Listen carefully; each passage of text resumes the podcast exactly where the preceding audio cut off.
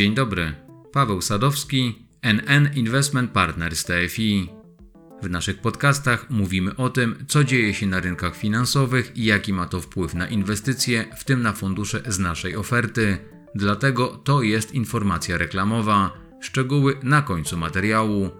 Zapraszam na flash rynkowy. Początek roku zachęca do stawiania prognoz.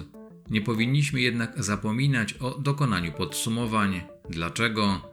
Przecież nierozsądnie byłoby myśleć o przyszłości bez wiedzy o tym, co wydarzyło się w przeszłości i bez świadomości konsekwencji podjętych przez nas decyzji.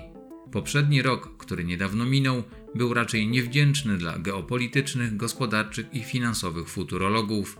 Na tej podstawie można by wysnuć wniosek, że kuszenie się o prognozy w odniesieniu do bieżącego roku może być, najdelikatniej mówiąc, mało precyzyjne. Nie znaczy to oczywiście, że powinniśmy zrezygnować z tej czynności, która jest istotnym elementem procesu inwestycyjnego. Bez niej nie będziemy przecież wiedzieli, w którym kierunku zmierzamy i przede wszystkim dlaczego w ogóle mamy tam iść. Dla przypomnienia to o tym, jak walczyć z przeszkodą, która utrudnia nam podjęcie decyzji, a mianowicie z obawą o to, że nie mamy dostępu do wszystkich informacji oraz że wyciągnięte na ich podstawie wnioski mogą być błędne, wspominałem w ostatnim zeszłorocznym nagraniu.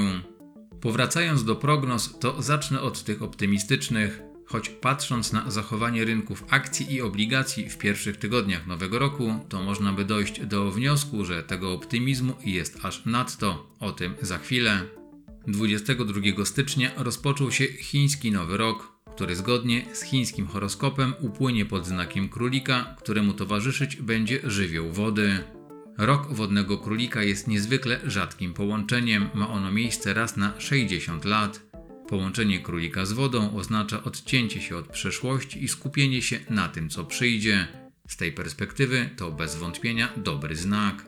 Do tego króliczy patron niesie pokój, dobrobyt i nadzieję, zwiastuje też brak gwałtownych zmian oraz zwrot ku rutynie i stabilizacji.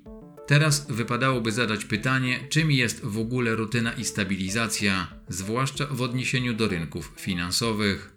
Odpowiedź na to pytanie zacznę od cytatu. W różnych okresach życia czyta się ten sam tekst różnie.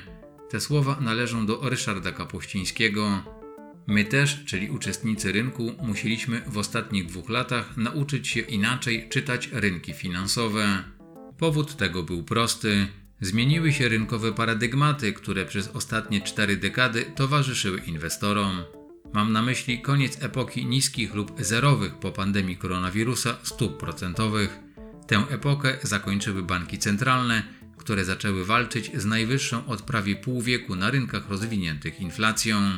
Przy tej okazji należy zadać kolejne pytanie: czy w bieżącym roku wrócimy do parametrów polityki monetarnej oraz poziomu inflacji, jaki znaliśmy przed pandemią i wojną w Ukrainie?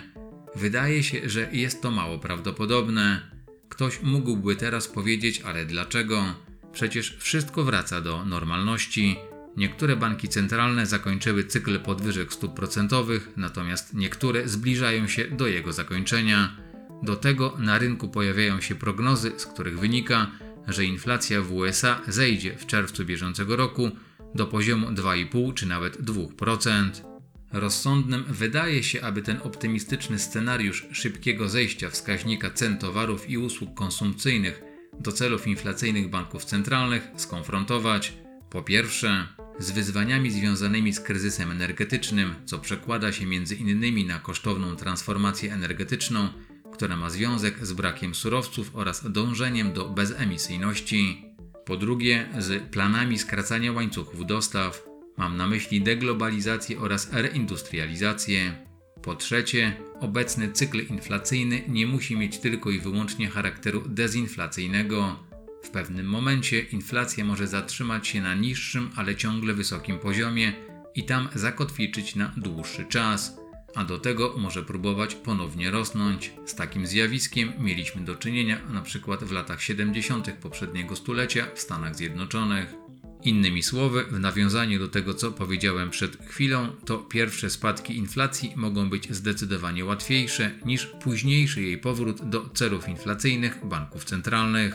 a do tego ze względu na to, że konsensus rynkowych przewidywań poziomu inflacji przesuwa się w dół, to w przyszłości będzie coraz trudniej o pozytywne zaskoczenia, które w ostatnim czasie są generatorem rewelacyjnego wręcz zachowania wycen funduszy dłużnych, zwłaszcza tych długoterminowych, w portfelach których znajdują się obligacje stałokuponowe. Czas na kolejne pytanie. Czy to, co przed chwilą powiedziałem, oznacza, że potencjał możliwego do wygenerowania przez te produkty zysku został już wyczerpany w bieżącym roku i nie warto interesować się rynkiem długu?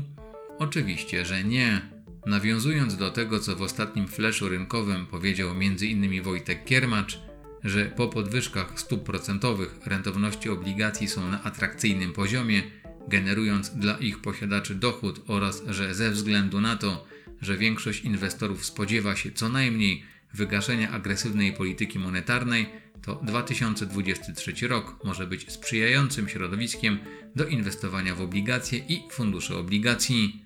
To chciałem tylko dodać i zwrócić uwagę na to, że nie oznacza to, że w całym bieżącym roku nie zobaczymy już zmienności wycen czy wzrostu rentowności obligacji. Wpływ na to może mieć m.in. wspomniana niepewność związana z kształtowaniem się trendów inflacyjnych oraz skala spodziewanego spowolnienia gospodarczego. Materializacja takiego scenariusza mogłaby oznaczać, że jeszcze w tym roku pojawią się dogodne momenty do zajęcia pozycji w obligacjach stałokuponowych. Wspominam o tym dlatego, że część inwestorów spogląda na wyniki funduszy papierów dłużnych polskich skarbowych długoterminowych i zastanawia się, czy skakać do rozpędzonego pociągu. Średnia stopa zwrotu dla grupy wspomnianych produktów za ostatnie 3 miesiące według stanu na 23 stycznia wyniosła prawie plus 15%. Czy może poczekać na jakiś przystanek we wzrostach wycen? Niewykluczone, że najlepszym miejscem do prowadzenia takich rozważań jest zajęcie pozycji w tzw. Tak rozwiązaniach dłużnych krótkoterminowych, w portfelach których znajdują się przede wszystkim obligacje o zmiennym oprocentowaniu i krótkoterminowy dług skarbowy. Te instrumenty są mniej wrażliwe na wahania rynkowych stóp procentowych niż obligacje stałokuponowe.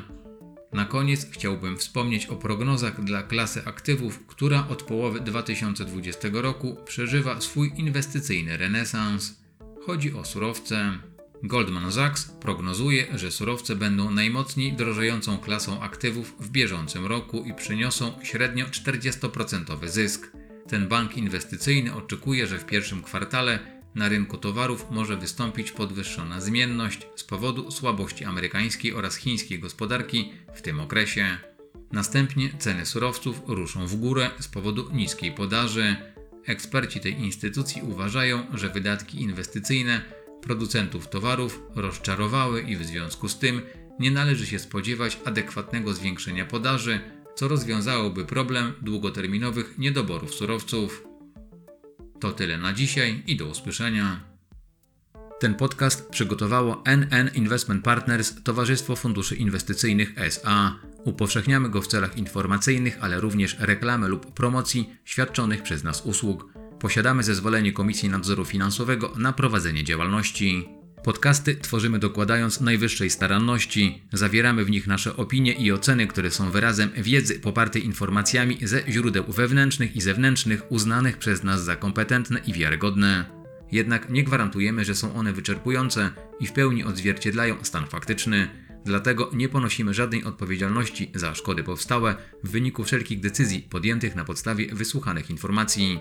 Nasze podcasty nie stanowią oferty, doradztwa inwestycyjnego ani rekomendacji kupna lub sprzedaży instrumentów finansowych i nie zwalniają słuchaczy z konieczności dokonania własnej oceny. Podcasty nie mogą stanowić podstawy do podejmowania decyzji inwestycyjnych.